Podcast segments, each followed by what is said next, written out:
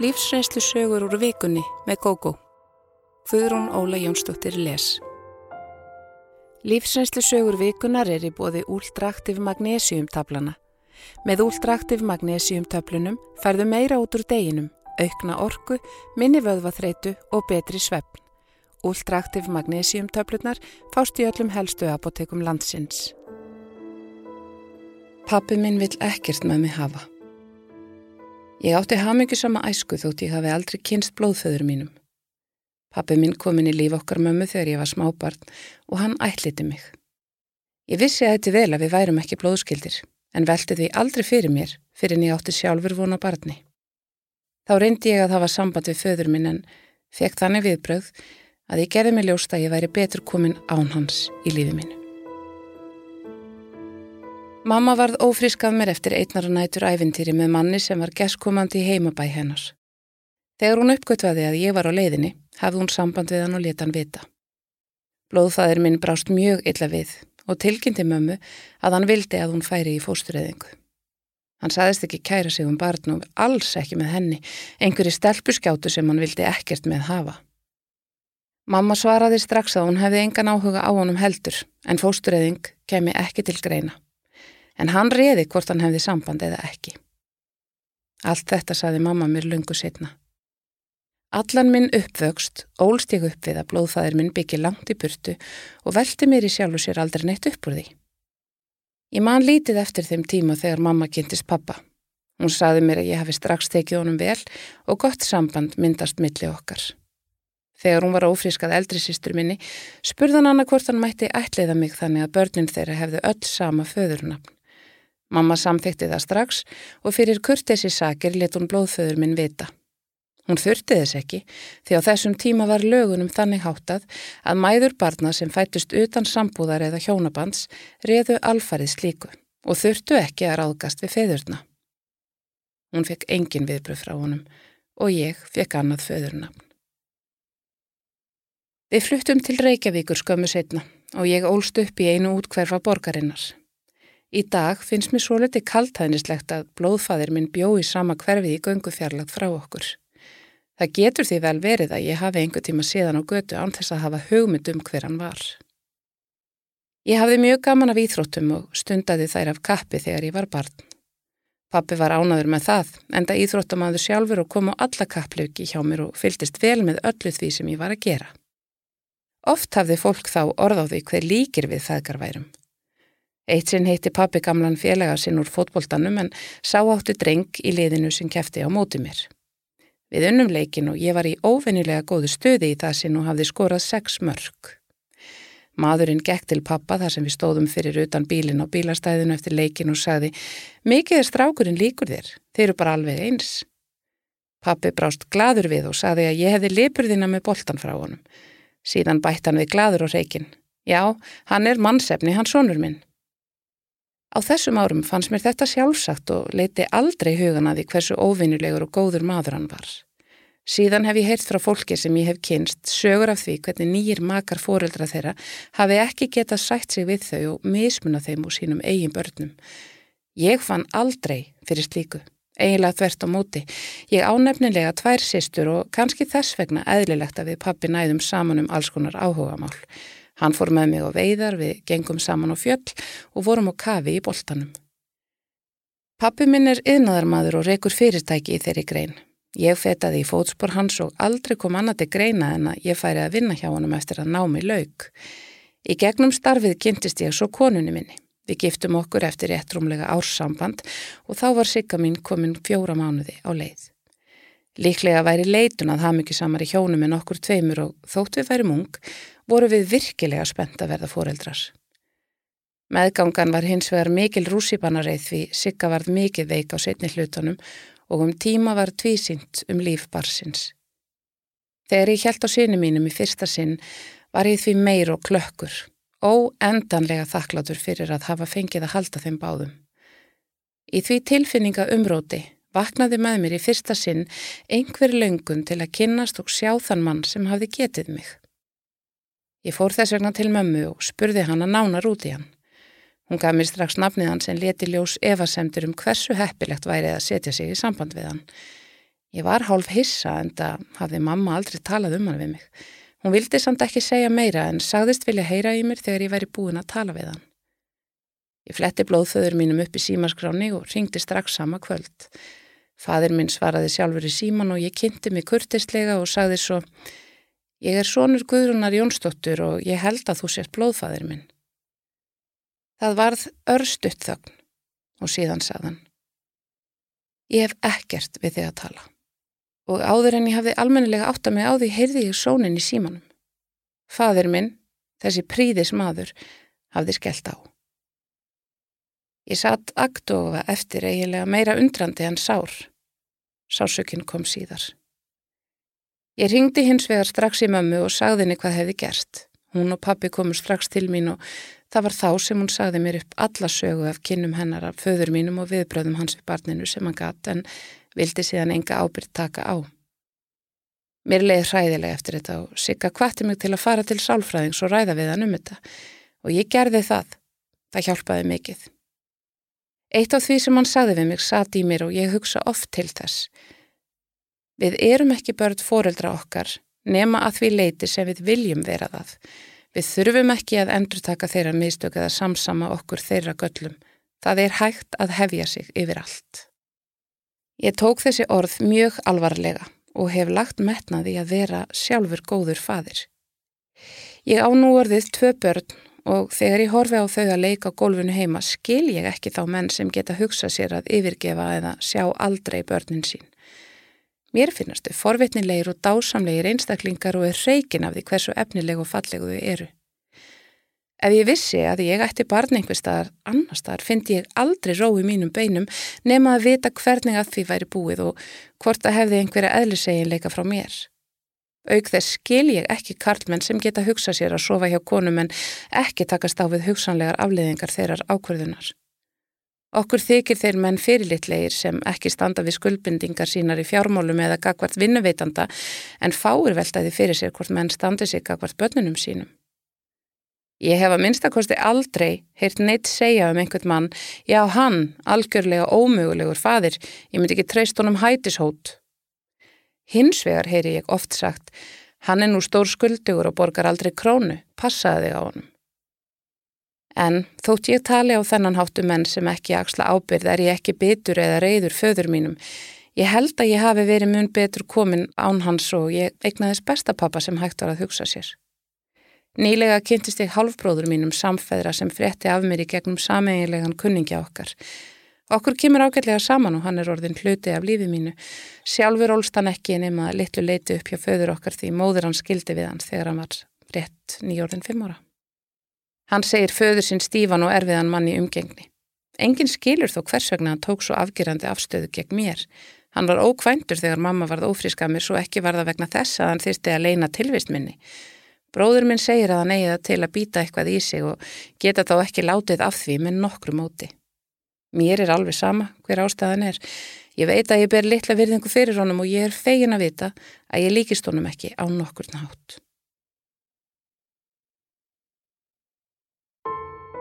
Degurófurnar Ég ólst upp hjá ömmu afa en þráði það alltaf heitt að fá að vera hjá mömmu og fjölskyldu hennar.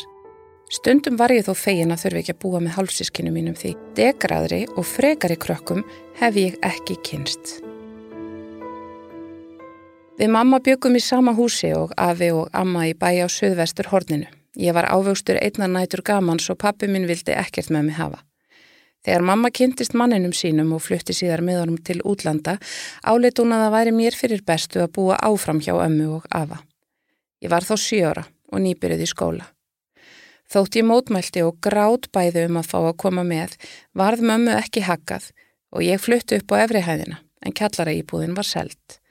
Maðurinn enna mömmu var að fara í nám ytra og eflist hefur þeim þótt floknar að hafa barn á skóla aldrei með. Amma var indisleg manniska en mér lærðist fljótt að vera aldrei ein með afa.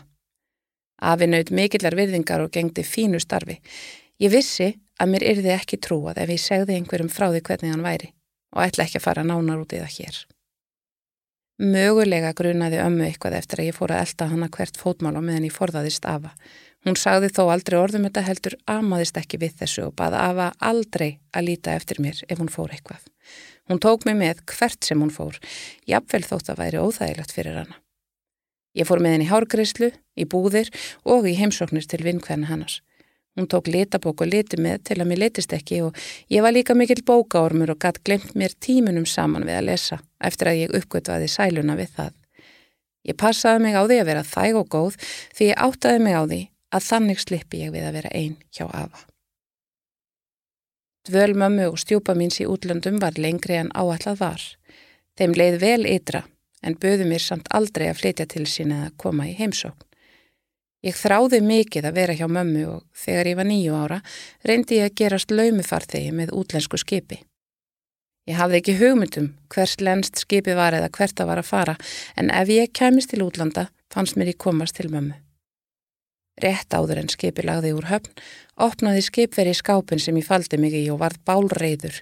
Hann þusaði eitthvað á útlensku og fleiði mér upp á bryggju.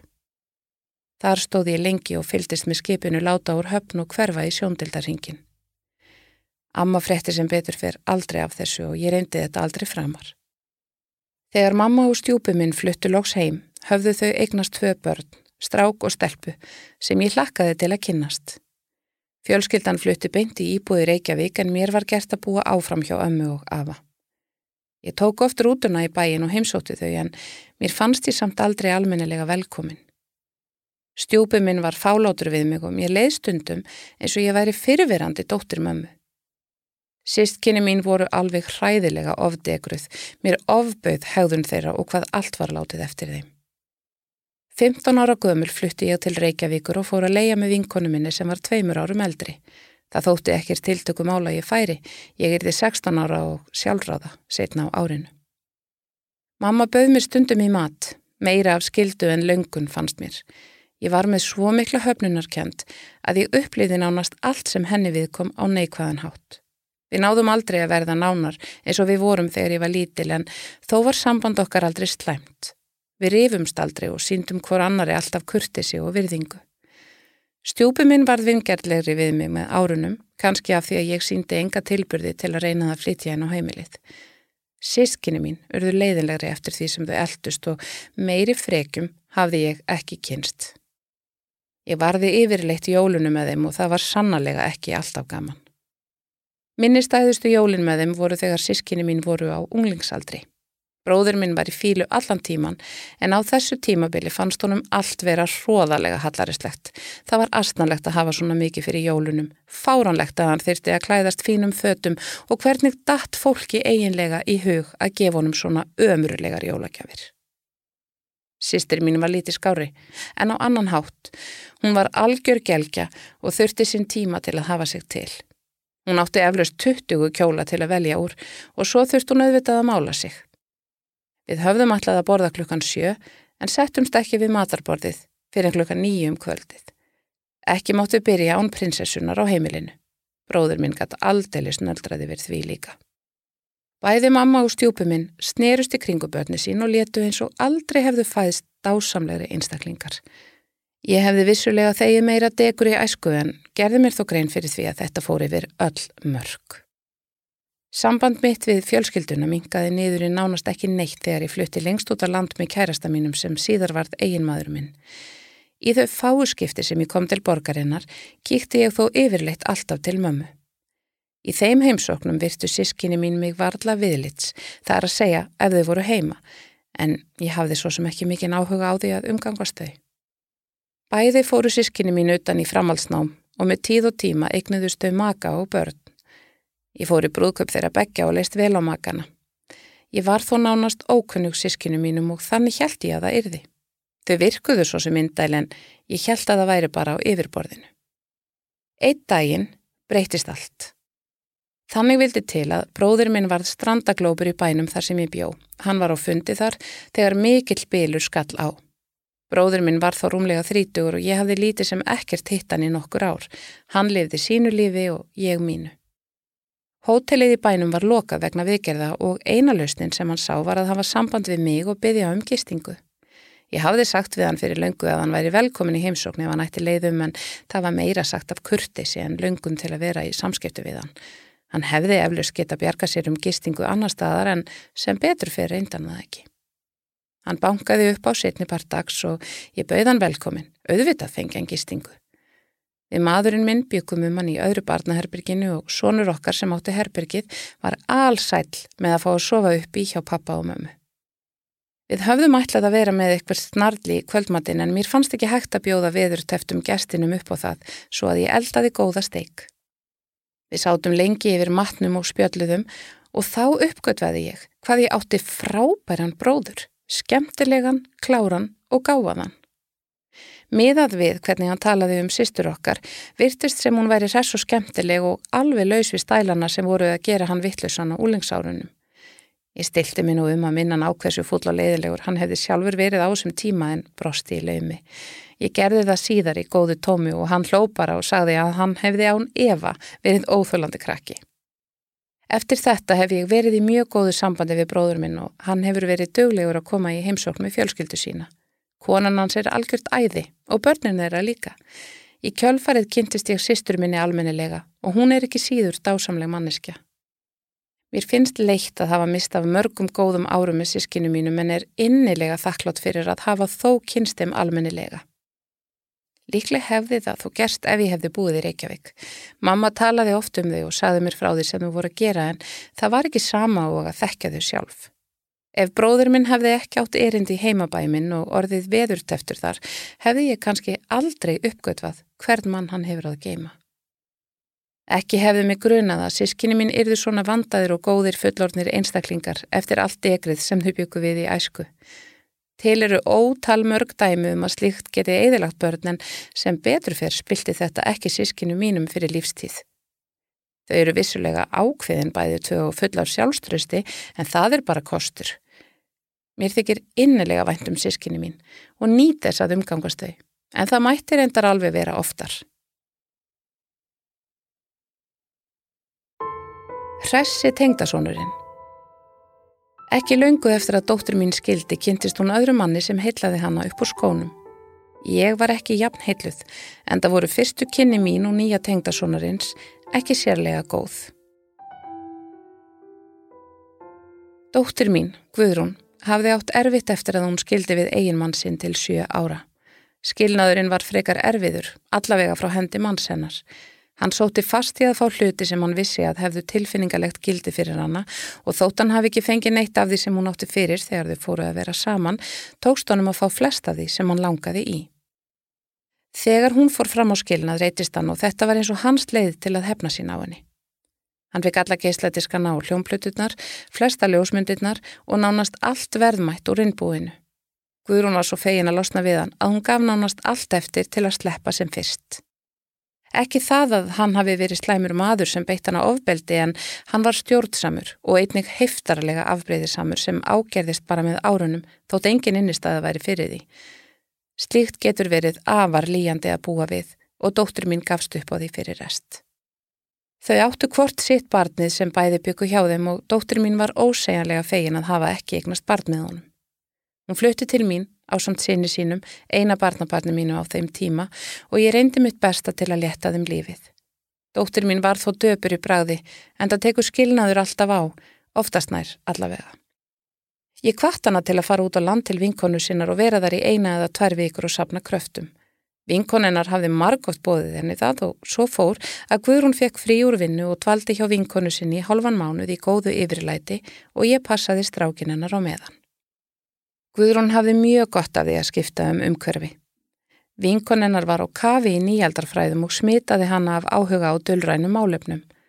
Fljótlega eftir að Guðrún kom aftur í bæin byrjaði hún að sækja námskeiði stjórnusbeki og öðru slíku en nokkurt frambóð var af svona námskeiðum, miklu meira en mig hafði grunað.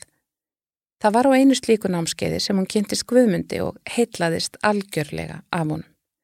Hann var tíu árum eldri en hún og svo léttur í lund, opinn og skemmtilegur, algjör andstæða fyrir eiginmannsennars.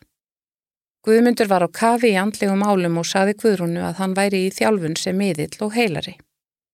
Áhugi Guðrúnar á þessum álum hafði kveikt áhuga hjá mér og ég viðaði að mér ímsu lesefni hjá bókasafninu. Ég var einmitt með bunga á svona bókum á borði við hliðina á sófanum í stofunni þegar Guðmundur kom fyrst í heimsók til mín. Ég var mjög ánað með að Guðrún hefði fundið ástina á nýjanleik, þótt aðeins nokkrir mánuður væru frá því hún skildi en ég er ekki vön að skipta mér af engamálum annara, svo ég samglatist henni bara. Það kom þó svo litið á mig þegar ég hitti Guðmund. Hann her tók samræðunar og var greinilega eitt þeirra sem vissi allt betur en aðris. Þegar hann rakk augun í bunkan minn af dullrænu bókunum nánast æftan, vina mín, þú hefur ekki nægan þroska til að lesa þessa bækur. Ég sá hálfgerðan skelvingarsvip á Guðrunu og stilti mig hennar vegna um að svara hvast tilbaka. Ég þóli ekki þegar einhver kallar mig vinu sína og fannst þessi yfirlýsing hans sérlega dónaleg. Jæja, saði ég kurtislega, og hvað finnst þér að ég ætti þá að lesa? Hann skildi ekki hæðnina og lofaði mér því hátilega að finna fyrir mig bækur við hæfi og að auki skildi hann endurskipulegja bókakost minn. Honum leist illa á spennusögur sem voru upp í hillu hjá mér og sagði að slíkar afþreyingar bækur væru ekki hotlar fyrir sálina. Ég var að nánast orðurlus og dreif mig í að bjóða parin upp á kaffi og kökur. Guðmundur leka á allsotti og vissulega var hann ræss og gladur en ég upplifði hann þó frá uppafið sem mjög groppin einstakling. Hann var vel lesinn, að minnstakosti í andlegum bókmyndum og hvaðst einnig vera mjög trúaður. Við Guðrún sátum og hlustuðum á hann, skutum inn einni og einni setningu en þetta var nánast bara eintal hjá honum. Ég let Guðrúnu ekki finna hvað mér fannst um hann en þessi fyrstu kynni okkar Guðmundar letuðu í mínum huga öll samskipti okkar næstu árin. Að sjálfsögðu kom aldrei til þess að hann endur skipulegði eitt eða neitt á mínu heimili. Ég hefði aldrei leift honum það en sem betur fyrr glemdi hann því lofórði sínu. Þau giftu sig nokkru mánuðum eftir að þau kynntust og Guðrún virtist afar ástfangin og hafmyggisum. Það sló lítið á ástina þegar hún áttaði sig á því að hann var mestur í munninum, minna varum framkvæmdir hjá honum. Ef hún hefði ekki haldið utanum fjármálinn, hefði getað farið illa. Hún stoppaði hann meðal annars af við að leia risastórt og rámdýrt skrifstofuhúsnæði undir andlega miðstöð sem hann ætlaði að stopna. Þar áttu að starfa miðlar, heilarar, árufræðingar og fleiri í þessum bransa. Þau höfðu alls ekki efna því og ég dáist að dóttur minni fyrir að hafa staðið först fyrir. Dullrænir hæfileikar Guðmyndar voru auðvitað bara óskikja hjá honum en hann voru samt að starfa sem miðill á kvöldin og um helgar eða gerði tilrönd til þess. Kanski gerðan einhverjum gott, ég veit það ekki en það var ekki mikið að gera hjá honum nema allra fyrst. Fólk er bara ekki tilbúið fyrir mig og mína hæfileika, sað hann skömmu eftir að hann hætti. Guðrún og Guðmundur eignuðust tvö börn með stuttumillibili. Sónur Guðrúnar sem hún átti fyrir var þó fluttur til mín. Honum og Guðmundi kom illa saman og þetta var besta lausnin fyrir alla. Eftir um tíu ára hjónaband virtist Ástinn horfin á braut og þau heldu kvorti sína áttina. Sáskilnaður var þó mun betri fyrir Guðrúnu en sá fyrir því hann var í mestu vinsemt. Guðrún saði mér setna að síðast árið hafa hann farið óbærilega mikið í töðanar á henni. Hún vildi þó reyna að halda hjónabandinu gangandi, barnana vegna, en áttaði sig síðan á því að það gerði engum gott, allra síst börnunum. Guðmundur flutt út á land skömmu eftir skilnaðin og börnin urðu eftir hjá Guðrúnu. Hvorögt barnana vildi flytja með honum og Guðmundur tók því vel, fannst að þau ættu að ráða því hver þau byggju. Þau fóru til hans um það byrj mánaðalega til að byrja með en smám saman fækkaði heimsóknunum. Hann var komin í sambúð með konu tæpu ári eftir skilnaðin og öll hans aðdegli beintist að henni. Þær urðu fleiri konunar hans með árunum en enginn þóldi við, jaflengi og dóttir mín. Börnunum sem nú eru uppkomin þykir væntum föður sinn en kvartastundum yfir honum. Sónur hann sagði nýlega við mig að hann ætti stundum erfitt með að þólan. Pappans talaði ekki við hann á eðlilegan hátt. Hann heldi ræður yfir honum. Ræður um gildi lífsins og annaði þeim dúr en gallin væri sá að þetta væri alltaf sama ræðan. Ég hefði fluttað heimann 15 ára ef ég hefði þurft að búa með honum, sagði dóttursónurinn. Hann sagði þetta reynda meira í gríni en alvöru. Ég tek aldrei undir neitt sem hann segir, eða sýstir hans, bara brosi og segja að pappið er að sé góður maður. Þau samsinaði en ég held að það myndi særa þau ef ég tæki undir orð þeirra. Þetta er jú pappið þeirra. Ég viðurkenni þó að við Guðrún getum hleyið dátt í einrúmi þegar við rifjum upp fyrstu kynni mín og Guðmundar og þetta með skortin á þroska til að lesa tilteknar bækur. Sloppið með skrekkin. Þrísvar. Ég held við fram að ég hafi bjargað lífi mannsins míns sama kvöldið og við byrjuðum saman. Mörgum árum setna áttu sér stað svipuð atviki kringum mig þar sem ástfinnir mínir sluppu með skrekkin fyrir einhverja tilviljun.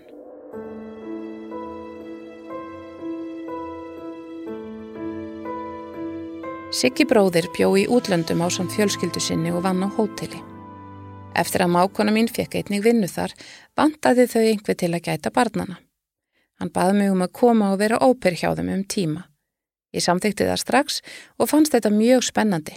Ég var 17 ára og hafði aldrei farið til útlanda áður. Mér líkaði strax vel ytra. Það var gaman að passa frænsinskinni mín og ekki fannst mér síður að vera í návist bróður mín svo mákonu en það hafði ég saknað þeirra mikið eftir að þau fluttu út. Þau unnu frekar mikið og ég sá um börnin og heimilið á meðan. Ekki lungu eftir að ég kom út hitti ég Jón í fyrsta skiptið. Ég vissi af honum því bróður minn talaði mikið um hann og einning annan vinn þeirra hjóna danskan mann sem ég kalla Lars hér. Báðir unnu með þeim á hótelinu. Mér fannst þér báðir skemmtilegir en Jón eignaðist strax einhvert stað í hjarta mínu. Ég varð sífælt reyfnari af honum. Því miður var hann átt árum eldri en ég og það fannst mér rosalega mikið. Ég átti einhvern veginn ekki von á því að 25 ára gammal maður hefði áhuga á 17 ára krakka. Mér til mikillar gleði fann ég þó að Jón hafði áhuga á mér en ég kom staði setna að aldursmunurinn hafði líka vaksið honum í augum. Jón bjó á starfsmannaganginum á hótelinu eins og lang flestir starfsmenninir. Bróður minn og mákona bygguði litli húsi skamt frá en það tók þau aðeins örfáur mínútur að keira í vinnuna. Jón og Lars komu oft í heimsók þegar þeir voru í fríi. Ég saði engum frá tilfinningum mínum til Jóns en eflaust leindiða sér ekki að ég var yfir mig hrifin af honum. Innra með mér myndaðist smám saman fullvisa um að það væri bara tímarspösmál hvenar eitthvað gerðist á milli okkar. Eitt kvöldið höfðu Jón og Lars verið í matjá okkur og allir fengu sér í glas á eftir. Lars og máur minn áttu að mæta í vinnudaginn eftir en Jón var í fríi. Máur minn drakk lítið en Lars virtist litlar áhyggjur hafa af morgundeginum og kvoldi í sig víni. Mikið var spjallað og hleyið og þetta var afar skemmtilegt kvöld. Þegar komi var fram yfir miðnætti letu bróður minn og mákona sig hverfa en ég tók ekki eftir því alveg strax. Allt í einu áttaði ég mig á því að ég satt einu uppi með gestina. Þeir síndu fljótlega á sér farasnið en ég reyndi að fá þá til að vera lengur. Mér leist ekki dá að þeir ætluð að fara á bílum að Lars eftir að það var drukkið allt þetta vín, sérstaklega Lars sem var ansið drukkin. Ég baða um að ganga frekar en að keira þennan stuttarspöl en Lars held nú ekki, hann ætlaði á bílinum. Þetta væri svo stutt leið að keira að ekkert geti komið fyrir þá. Allt í einu spurði Jón, á ég kannski að verða eftir hjá þér? Ég kinkaði kolli og saði feimnislega, mér er alveg sama og bætti svo við, já já. Jón varð eftir hjá mér og síðan höfum við verið saman. Hann hefur stundum grínast með að þetta hafi ekki verið flottasta viðrensluninnan en hún dögði nú samt. Lars kvatti okkur og ógaf stað. Það var ekki möguleiki að fá hann til að sleppa því að aka heim á hótel og þótt Jón væri ekki jafn drukkin og Lars vildi hann ekki aka undir áhrifum. Gatan sem lágað hótelinu var fáfarinn og nánast engar líkur á því að nokkur væri á ferli, svo ég vonaði bara það besta. Dægin eftir mætti Lars ekki vinnuna. Síðar um daginn kom hann til okkar og var illa útleikin, allur marinn og blárum með sárabindi viða á líkamannum. Hann sagði okkur farið sínar ekki sléttar. Á leiðinni heim á hótelið hafði hann mist stjórn á bílnum og ekið á tre. Treð brotnaði og það sem bjargaði Lars var að það fjalli fyrir bílinn farþegamegin. Hann sagði við Jón, ef þú hefur verið með mér í bílnum, værið þú döður. Það sá lengi á Lars eftir slísið en hann slapp þó ótrúlega vel. Einhver hafði skuttlað honum á sjúkrahús til aðlilningar og þar var honum sagt að ekki hefði mátt muna miklu að verðfæri. Þetta var mjög alvarlegt slís og Jón hefði aldrei sloppið lifandi frá því ef hann hefði verið með í för. Á því er ekki nokkur vafi. Lars var ótrúlega afslappaður varðandi axtur og áfengi og fannst aldrei neitt tiltöku mála keira eftir einn eða tvo bjóra. Stundum mun meira. Hann lærði þó af þessu slísi og sagði okkur að hann ætlaði alveg að hætta að keira drukkin. Ég vona sannarlega að hann hafi staði við það. Ég dvaldi hjá bróður mínum og fjölskyldu hans í nokkra mánuði í viðbót. Ástinn milli okkar Jóns blómstraði á meðan. Þegar ég hjælt heim til Íslands var Jón með mér í för. Við giftum okkur um nokkrum mánum setna og höfum eignast saman þrjú eindislega börn. Bestu vinahjón okkar Jóns. Byggu ásand börnum sínum á kjalarnesi um nokkur ára skeið. Eldri sonur þeirra var komin í mentaskóla í Reykjavík og tók yfirleitt strætó í skólan. En þá daga sem Maggi, pappans, fór í vinnuna á sama tíma fekk sonurinn far með honum. Strákurinn hafði verið lasin í nokkra daga og þegar hann var að hafa sér til, bauð Maggi honum að skuttlunum alla leið í skólan og sækjan síðan þegar skólanum leiki. Hann þáði það fegin en rétt áður en pappan slagði af stað hætt hann skindilega við að fara með honum. Hann ákveði að vera frekar heima í eitt dag til viðbútar því honum fór allt í hennu að líða illa þar sem hann stóð við fatahengið og ætlaði að fara að klæða sig í útifötin. Maggi ók af stað. Það var ansi kvast en það var ekkert óvinnilegt á þessum þjóðvegi. Mun hvassara reyndist vera en makka grunaði því allt í einu kom mjög sterk vindkviða sem skall á bílinum. Bílin ánast tókst á loft og hafnaði utanvegar. Bílin að smaka gjör eðilaðist og ef strákurinn hefði setið í sætunum við hliðföður síns hefði hann ekki þurft að kempa hærurnar því farþegar hliðbílsins lagðist algjörlega saman. Það var eins gott að hann hafði hætti ferðina á síðustu stundu. Maggi slapp með skrekkin og fekk valla skrámu enda satt hann réttu megin í bílnum. Þriðja atvikið í þessum dúr gerðist nokkrum árum síðar og þá hjá dætrum mínum. Þær flugu úr reyðrinu upp úr tvítugu og fluttu saman í íbúð. Eitt daginn ákvað önnur þeirra að skreppa út í búð og bað sýstur sína að koma með sér. Sú var til í það og klæti sig í útiföt og skó.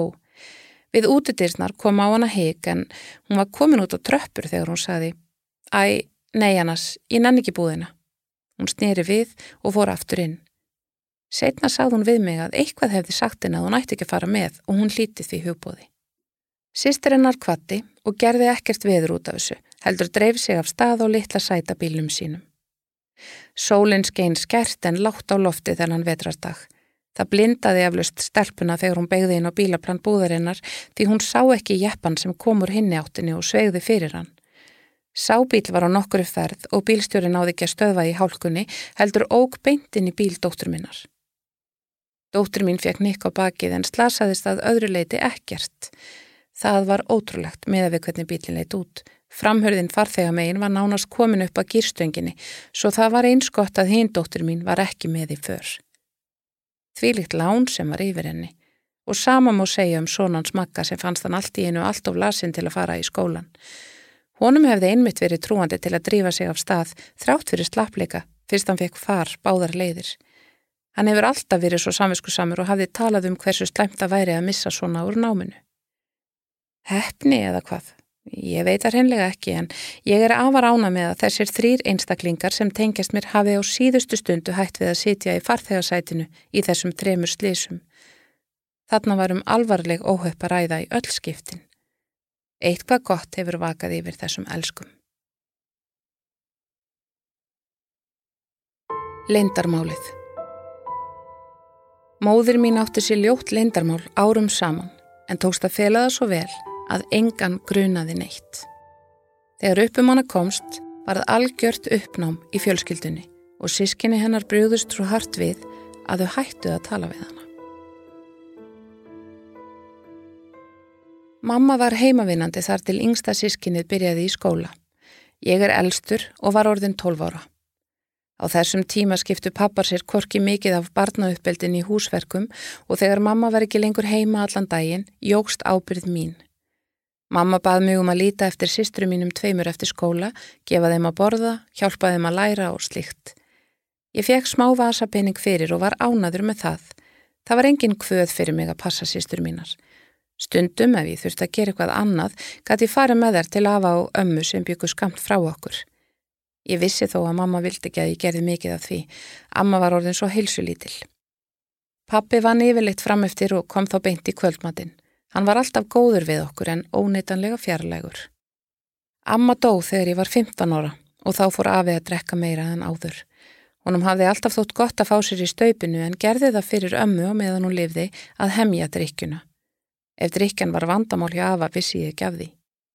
Mamma talaði lítið um það en hún hugsaði vel um Afa, heimsóttan reglulega, þreif hjá honum og sá til þess að hann borðaði. Hún var langi yngst af sískinum sínum og augasteytninas Afa. Við höfðum það gott, byggum í einbillishúsi, ekki neinu glæsi húsi þó en áttum öll sér herbergi. Mamma sá um húsverkin þóttun inni mikið en við sískininn fórum að hjálpenni þegar við eldumst. Ég slapp ekkert betur þótt ég væri strákur en það voru tímarnir farnir að breytast. Pappi var alls ekki latur, hann syndi karlaverkunum viðhaldi á húsinu, fór með bílinn í skoðinu og annars líkt, en á meðan mamma þreif allt hátt og látt um helgar, satt hann kannski og las blöðin. Ég sem eigin maður og fadir skil ekki hvernig hann gætt gert það. Mamma var alveg jafn þreytt og hann eftir vinnuvikuna, þótt hún kvartaði aldrei og þegar pappi málaði sá húnum undirbúningsvinnu, fjarlæði húsgögn og slíkt, frágang og þrifa og eftir fyrir utan að aðstóðan, en svona var tíðarandin. Eftir að við sískinnin eldumst og fluttum að heiman, fjall líf fóreldra okkar í fastar skorður. Þegar pappi og mamma komu heim úr vinnunni, eldaði mamma kvöldmatt fyrir þau, vaskaði síðan upp og svo sátu þau saman flest kvöld yfir sjónvarpinu. Mamma var í saumaklúpi og fór stundum út á kvöldin en pappi var heimakær og leið best þegar þau voru tvö einn heima. Eftir að þú higgja sé ég að lífi mammu getur ekki hafa verið skemmtilegt, hún hefur án Eva haft sína drauma sem ekki rættust. Hún lagði svo mikla áherslu á að við mentuðum okkur, sagði að hún hefði ekki fengið þau tækifæri sem hún vildi. Mamma var ræktarsömust sískina sinna við Ava. Við byggum næstónum svo kannski var það eðlilegt en sískinni mömmu byggu þó reyndar öllir Reykjavík eins og við, nema eitt sem bjó fyrir norðan. Þegar Afi fór á sjúkrahús og átti ekki aftur hvæmt heim, sá mamma um öll hans mál og passaði upp á húsið hans. Þegar útsið var með að hann geti búiðar var húsið leikt út. Bróðurssonur mömmu fekk það á leigu gegn því að borga því skatta og skildur og sjá um viðhald. Mamma heimsótti Afa oft í viku á liðsinni úr vinnu og við sískinnin kíktum til hans um helgar. Afi þekkt okkur ekki undir það síðasta en virtist samt hafa gaman af því að fá okkur í heimsókn. Eftir þryggja ára sjúkralegu lést hann. Eftir útförina var haldinn erfidrykja og svo kom að því að skipta arfinum. Bróðir mömmu áttaði sig fyrstur allra á því að ekki væri allt í lagi varðandi fjármál Afa. Stórt lán kvildi á húsinu sem allir heldu að afi ætti skuldlaust. Þetta var nýlegt lán á nafni mömmu. Svo virtist sem afi hefði leiftinni að veðsetja húsið eftir að hann var nánast komin út úr heiminum. Ímsar spurningar kviknuðu. Af hverju hafði mamma ekki veðsett eigið hús? Hví hafði pappi ekki hugmyndum þetta lán og í hvað fóru tvær miljónir? Mamma brotnaði algjörlega niður og játaði fyrir pappa og sískinum sínum að hafa falsað undirskrift afa til að fá þetta lán. Hún var orðin skuldug og komin í vandræði af þeim sökum. Mamma reyndist hafa verið spilafíkil árum saman, öllu heldur spilakassafíkil. Henni tókst svo vel að fela þetta fyrir öllum að það var með ólíkindum. Alltaf var meiningin hjá henni að vinna stóra vinningin og borga lánið upp en það bara tókst aldrei.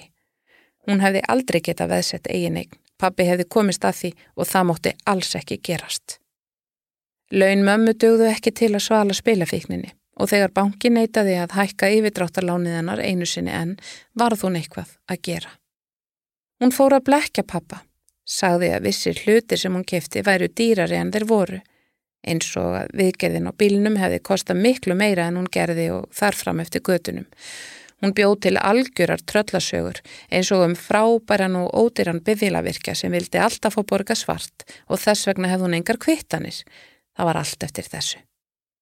Pappi hafði engar áhyggjur af fjármólunum þótt honum fyndist vissulega ansitýrst að lifa. Á meðan það var almennilegur matur á borðum og eitthvað gott í sjónvarpinu var hann sáttur. Mamma var alltaf komin heim þegar pappi kom og búin að elda eitthvað gott handónum Hvað hún gerði eftir klukkan þrjú þegar vinnu hennar laug og fram að kvöldmatt vissi engin nema hún. Með þessu stóra láni hafði mamma borgað yfirdráttin sér niður en nú var fjöð nánast uppurið. Mamma hafði því fram á þessu staðið í skilu með lánið en greinilegt var að það yrði ekki mikið lengur. Hvað hún hefði gert þá er ekki gott að segja en sem betur fyrr var hún stoppuð af þarna. Pappi var í algjöru áfalli og fyrst í stað vildi hann ekki trúa þessu. Sískinni mömmu urðu ævar eið út í hann og alluð að kæra hana.